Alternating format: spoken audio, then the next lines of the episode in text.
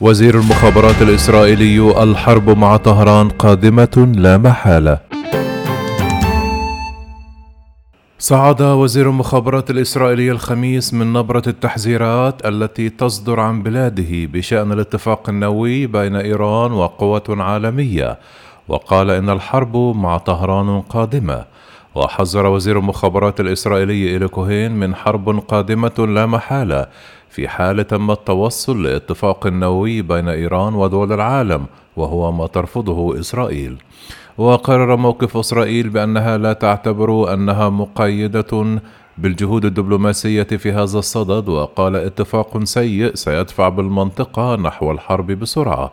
وأضاف لرويترز أي طرف يسعى لمنافع قصيرة الأمد يجب أن يكون واعيا بالمدى الطويل. لن تسمح إسرائيل لإيران بالحصول على أسلحة نووية.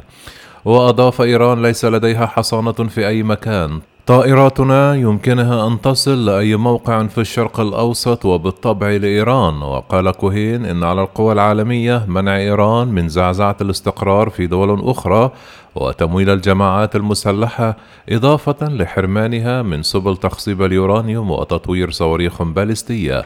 وكانت إيران والقوى العالمية قد وافقت الثلاثاء على تسريع الجهود الرامية لإعادة واشنطن وطهران للامتثال لاتفاق عام 2015 النووي.